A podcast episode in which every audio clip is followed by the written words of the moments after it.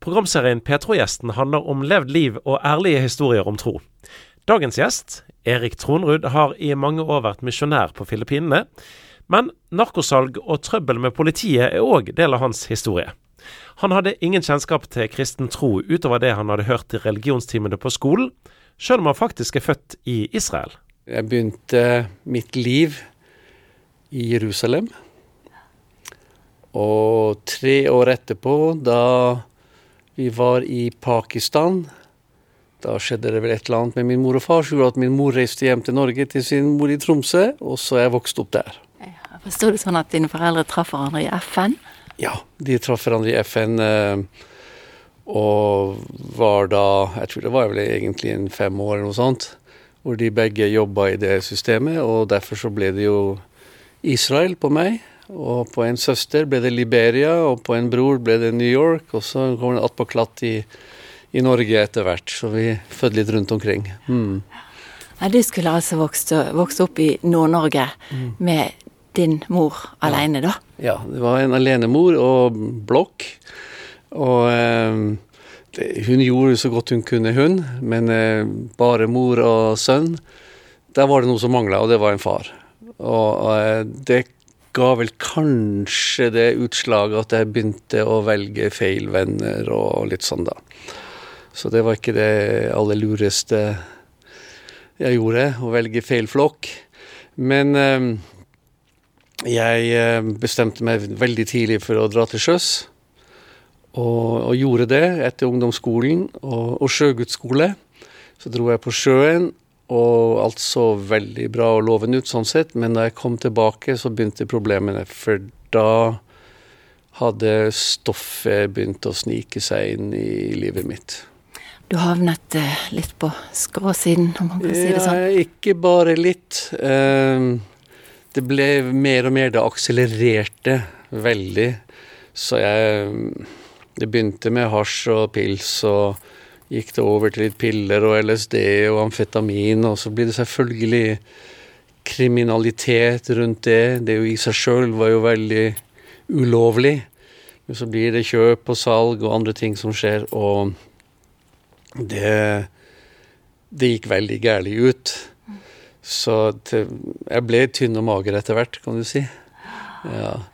Så eh, men eh, tilbake i 1981 Da hadde jeg kommet til et punkt i livet at jeg syntes det egentlig var veldig meningsløst, det meste. Det var mørkt og trist, og mye rare ting som skjedde som jeg plutselig ikke hadde noen kontroll på. Så da satt jeg en dag i Drammen. Satt ved Drammenselva og dingla med bena i vannet og drakk litt pils og røyka noen jointer. Og, og plutselig så bare kom det et rop fra mitt innerste. Jeg skreik utover elva, så jeg skvatt sjæl av å høre min egen stemme. Jeg skrek hvis det fins noen gud eller noen god makt, så hjelp meg, for jeg er jo pinadø forheksa eller forbanna eller noe sånt. Og eh, den samme natten etter så gikk jeg hvileløs rundt i Drammen rundt midnattstider, og det endte med jeg havna opp på en pub. Og på den puben heter Kings. Der møtte jeg The King of Kings den natten. Første gang i mitt liv jeg hadde bedt, og det var en oppriktig bønn. Der var det noen kristne som var ute på natten på en konsert på den puben. Og jeg var ute fra en eh, husgruppe, life-gruppe eller cellegruppe, kall det så mye forskjellig. De var ute og, og på menneskefisking. Og der ved bardisken, jeg skulle kjøpe meg en øl, der var det en som begynte å snakke med meg, og, og det var som hvert eneste ord traff meg som en hammer, og samtidig som det blinka i øya på vedkommende, liksom. Så jeg ble med bort til bordet etter hvert, og da fikk jeg høre evangeliet. og jeg ble så rysta av det. Ja, det bare, det bare rysta meg. Jeg fikk nesten ikke sove den natta. Og dagen etterpå møtte jeg de i en park, og jeg tok imot Jesus som frelser. Jeg hadde jo bedt om hjelp. Så eh, det gjorde jeg den dagen. Og jeg holdt i lag med de folka eh, et års tid, inntil jeg skjønte at det her var det ikke bare bra. Men Gud brukte de. Gud brukte de riktig tid og riktig sted til å fortelle om Jesus. Og så et års tid etterpå så skjønte jeg at her, her Nei, det, det, fellesskapet der, det var ikke bra. Det var ikke det at jeg lette etter unnskyldninger, men det var noe som ikke stemte. Og eh, Så jeg brøt med de, og fikk jo tydelig beskjed om at nå var jeg en frafallen. Så tenkte jeg ok. Men jeg brøt med de og dro tilbake på sjøen en tur. Og, når jeg da, og, tok med meg Jesus om bord i båten. Men når jeg da kom hjem igjen til Norge og mønstra av og hadde masse penger i lommen, den dagen gikk det veldig ille. Da traff jeg noen gamle venner som visste at jeg aldri hadde vært arrestert, eller noe som helst sånt der. Og, og at jeg var fremdeles frisk og, og sånn. Og da fikk jeg noen tilbud som jeg dessverre sa ja til. Jeg fikk tilbud om å selge dop og det gikk jo bra noen måneder, men så begynte jeg å spise lasset. Og så gikk det nedover og nedover og nedover. Så da jeg kom tilbake fra denne ene båten som jeg tok, så fikk jeg mer problemer med stoff og vold, og alt ble bare mye, mye verre enn det hadde vært før. Så helt til det resulterte i at jeg ble arrestert, og da var jeg 63 kilo. Og det blødde bare en øys. Jeg Blødde i nesa, pussa tenna, så blødde jeg. Og jeg var bare et vrak. Mm. Uh, og ikke minst ustabil i huet. Helt til jeg plutselig fant meg sjøl i uh, varetekt på Oslo kretsfengsel. Rett før jul. Og uh, Ja, det var en sånn der varselskudd foran baugen. Plutselig så satt jeg i fengsel med alvorlig tiltale om vold og alt mulig rart. Um, men der inne ropte jeg en gang til på Gud. Du Naivt, liksom. Du, husker du den gangen i Drammen? hvis det ikke bare var innbilning, det som skjedde da og det påfølgende året, hvis du fremdeles er der, og det fremdeles er håp, her er jeg nå, du må hjelpe meg, ellers så gjør jeg det slutt. Og den samme natta så fikk jeg besøk på cella. Det var jo ingen jeg kunne ta på, men det var nesten. Og jeg vet ikke om folk som hører på, har eh, erfaring med ordet kamp, eller åndskamp, men den natten hadde jeg det. Det var nesten som om det var to stykker som var på besøk inne på den cella den natta. Det var en på ene sida som sa at Erik, det her må du ryste av deg, det er bare innbilning, nå er du psykotisk, reis deg opp og rull en røyk. Eh, mens den andre stemmen var så god, og det var så mye lys og varme i det, eh, at jeg valgte å gå for den. Og den natta så brøyt jeg sammen og, da, og knakk. Det siste jeg hadde av stolthet og Nå er ikke det at jeg er perfekt i dag, men der og da så knakk jeg helt og fikk tømt hjertet mitt og, og alt. Og opplevde når i grålysningen at plutselig så var det bare godt inne på cella. Det var lys, det var varmt, det var godt. Den andre stemmen var borte. Um, jeg hadde fred. Og jeg var egentlig ganske tilfreds, selv om jeg skjønte at jeg satt i fengsel. ikke sant? Og det må ha vært såpass tydelig, det som skjedde, det som jeg opplevde, at med en gang døra til cella mi blir åpna på morgenen, så ser fengselsbetjenten på meg og sier 'Erik, hva har skjedd?' Ja. Og da fikk jeg lov å, å fortelle vedkommende det. Og uh, den betjenten sier da til meg 'Erik, jeg tror deg'. Og når du kommer ut herifra, så må du reise opp til Haugenstua. For der oppe er det en menighet for sånne som deg. sant? og det gjorde jeg da når jeg slapp ut. ja. Så eh, jeg bruker å si at på den puben i Drammen så tok, tok jeg imot Frelseren. Og på, i varetekt på Oslo kretsfengsel så gjorde jeg Frelseren til konge. Er det spesielle bibelvers har betydd mye for deg opp igjennom, eller betyr? Ja, eh, det er jo egentlig veldig enkelt. Eh, det er mange bibelvers som betyr mye for meg, men et som veldig fort satte seg fast, og det er Filippinerne 413. Det er alt makter jeg Han som gjør meg sterk. Jeg tåler alt på grunn av Han som gjør meg sterk. Det har vært med helt fra begynnelsen av, og det trengte jeg nok da. For det, man fikk litt motstand. Det er ingen som jeg vet om i min familie eller slekt som er kristne, og jeg kom jo i et ganske tøft miljø og hadde en million pluss pluss i gjeld den gangen, og en, et mislykka ekteskap og en, ja, en barnefordelingssak som ikke gikk så bra. Så jeg, det var jo mange ganger sånn at du hadde lyst til å bare Nei, dette gidder jeg ikke. Men så kommer det der stadig vekk tilbake til meg. I Jesus Kristus så klarer jeg alt det her. Og det har holdt helt til nå. Det er over 30 år. Så en annen ting er jo det står i 2. Korinterbrev kapittel 1 om en som vi kaller for alltrøstsgud. Han har trøsta meg i alle mine tøffe øyeblikk og oppmuntra meg i mine prøvelser. Og det gjør at når jeg møter andre på min vandring, så kan jeg få lov å bringe det samme til de som Gud har brakt til meg. Trøst og oppmuntring. Formaning. Mm når der det trengs. Så de to tingene har vært sånne nøkkelvers for meg hele veien. Og etter det, det fengslingsoppholdet og, og en, eh,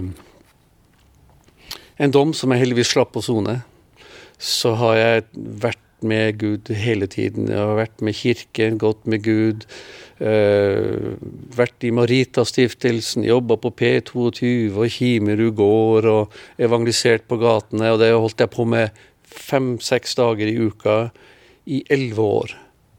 Før Gud kom på nytt en gang og kalte meg og kona til å bli misjonærer. Og dere har jo fått eh, jobbe som misjonærer i mm. slummen i Filippinene i 18 år. Ja, det er jo ren nåde, for vi er jo ikke utdanna som noe som helst, egentlig. Eh, men vi har valgt å følge Gud, og vi sier det ene at 'jeg og mitt hus, vi skal tjene Herren'. Og det er det som eh, har vært rettesnoren vår hele tida. At uansett hva vi opplever at vi har lyst til å gjøre, så spør vi OK, Gud, nå må vi få høre fra deg. Hva, hva tenker du om dette her? Er det er det der vi skal bo? Er det det vi skal jobbe med? Er det det vi skal gjøre? Og så har vi opplevd å fått eh, tilsvar på det. Ja, og kona mi, ikke minst. Eh, uten, uten, henne så hadde det vært en halv.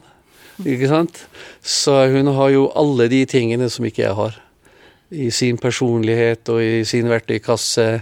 Så eh, det blir et bra team. Så eh, det endte jo da med at vi, eh, vi dro til Filippinene og der fikk vi oppleve masse fantastisk, akkurat som hjemme i Norge. Alle årene i Oslo med Marita-stiftelsen og de tingene. Det var helt fantastisk å se narkomane, prostituerte og sniffere. Alkoholikere som tok imot Jesus, eh, ble frelst, og, og, noen måtte i rehabilitering, og andre ikke. Men det var fantastisk å få se. Og det er jo det største underet av alle. Eh, sjelens frelse. Selv om alle har lyst på noen mirakler i hverdagen, og spesielt når man skal betale regninger. Så. Men det største underet av alt Ja, vi ser helbredelser, og spesielt ute i verden så ser vi folk bli satt fri fra onde krefter og sånn, men idet et menneske blir frelst, det er noe av det mest fantastiske. Det er som en fødsel. Ja. Så det har vi fått sett, sett mye av, ikke bare på Filippinene, men rundt ellers i Asia. Vi bodde jo i Manila og måtte jo ha en fast base pga. barn. og Det var dit Gud ledet oss. Men det samme sett i India, Nepal, Kambodsja, Vietnam og Thailand og Burma. Og se hvordan eh, vi får hjelpe folk som vil starte menighet og bibelskole. og Ja, det har vært fantastisk. Ja da, så det, vi, vi håper jo å få lov å fortsette å være aktive. Så lenge det er liv, vet du, så skal vi være aktive. Det står ingenting om pensjonister eller noe sånt, eller uføretrygdede, eller ja Det å parkere, det står ikke noe om det i Bibelen, vet du. Så her må man bare følge Jesus. Ja. ja. Mm, og det har du fått sett masse av, både som du sa i sted, både mm. befrielser Folk har blitt frelst rundt omkring mange mm. steder i verden, så dere Unnskyld. Dere har vært. Ja, vi har sagt det alle de stedene vi har vært. I noen steder mer enn andre. Men kan, når vi drar til Asia, altså Filippinene, og et land som for så vidt er av mange definert som et nådd-land eh, Det har vært kristne der lenge, det ble katolsk i starten, og det har vært mye misjonærer der. Men jeg så på det landet kanskje mer som et sånn hangarskip. Der var, jeg, var vi og, og, og jobba òg med menighet og bibelskole, men vi, vi, vi lasta oss opp, vi lada oss opp, og så reiste vi med team inn i de nabolandene på fastlandet. Og der var det nesten alltid vi traff folk i, i, i folkegrupper som aldri hadde hørt evangeliet.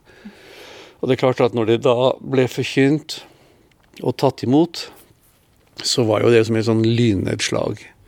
Du, du så forandring med en gang noen tok imot Jesus. Du, du merka gleden og håpet og troen, glansen i øya forandra seg, og, og, og, masse helbredelser.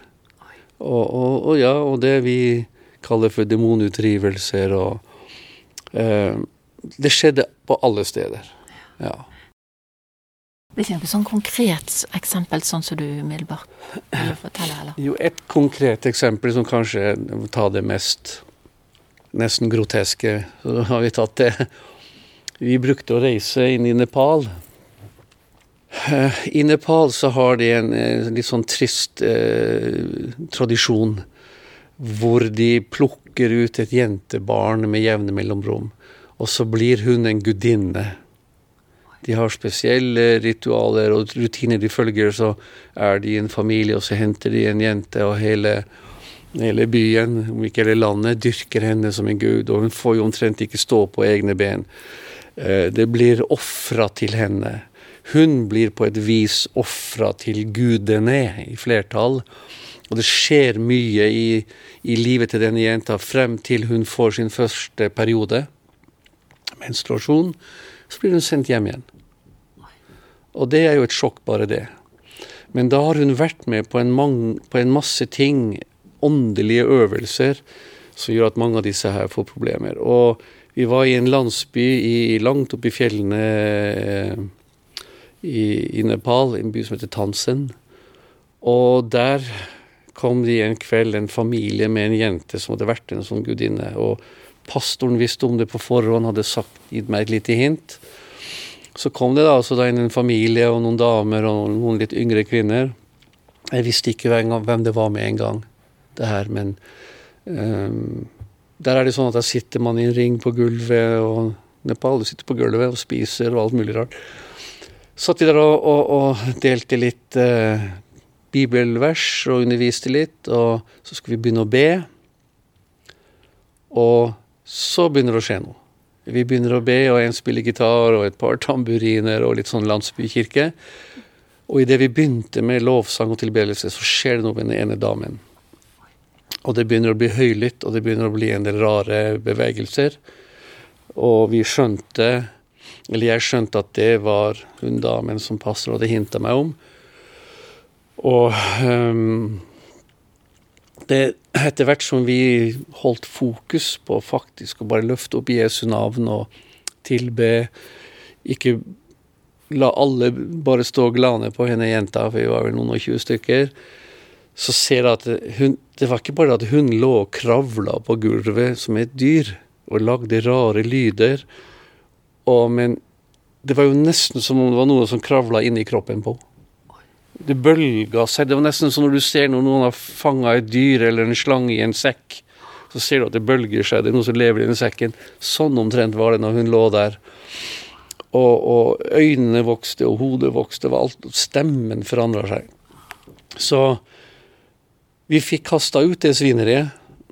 Det slapp taket, og masse greier som kom ut av henne, og det lukta fælt òg. Og da så du bare etterpå, når hun satte seg opp at alt dette her var skjedd, hun hadde fått henta seg litt inn, og vi hadde fått tolka noen ting, og så ser du at det var et helt annet fjes enn den jenta som kom inn. Det var liksom alt bare mykna opp i fjeset hennes fra minutt til minutt, og fikk glans i øynene, og Nei, det var, det var noe av det største jeg har sett på når det gjelder det der med å et menneske blir satt fri. Så hun tok imot Jesus, da? Ja, så vi, det, det forsikra vi oss om at eh, ok, nå har vi satt deg fri. Det var åndskrefter, og det skjønte hun. Men hun skjønte òg at eh, Jesus måtte inviteres inn. Så det fikk vi leda henne til, sammen med presten, tolk og ja. For meg er det veldig klart at det fins en gud, og det fins en djevel, en motstander. Og eh, det er sjelen som er slagmarken. Selv om det finnes mange blodige kriger rundt omkring som er fryktelig trist, så dreier det seg på slutten av dagen om sjelene. Ja, nei, vi har ikke kamp mot uh, kjøtt og blod, men mot makter og myndigheter i himmelrommet. Mot ondskapen sånn det her. Ja, og det, det, ser vi jo veldig mye av i samfunnet i dag òg, her i Europa. At det blir mer og mer opplagt at det, det må være mer enn bare den verden vi ser. Det, det er også en åndelig tilværelse som eh, Den ene er vond, og den andre er god. I dag så er vel det aller viktigste for meg, eh, både for meg personlig og vår familie, og for jeg håper for de som hører på, at man skjønner at en dag så roper man på frelse, man roper på hjelp, man trenger mirakler, og så kommer Gud og hjelper til. Og så kommer den der eh, dagen da det går opp for deg at jeg vil faktisk ha Gud som Jeg vil ha Jesus som herre. Eh, og konge og mester. Jeg vil ha at han skal lede mitt liv. Og så går det opp for meg at han har sagt ikke bare at han har vært, men at han er. Han lever. Han sto opp fra de døde. Han, han er i dag, og han har lovt han skal komme tilbake. Så selv om jeg skulle dø før Jesus kommer tilbake, så er det ikke slutt. Og lever selvfølgelig et vanlig liv fremdeles. Vi må betale skatt, og vi må betale regninger, og man har hverdager og regnværsdager, men jeg vil, jeg vil si at livet har blitt verdt å leve i aller høyeste grad. Du har hørt en podkast fra Petro. Du finner masse mer i vårt podkastarkiv på petro.no.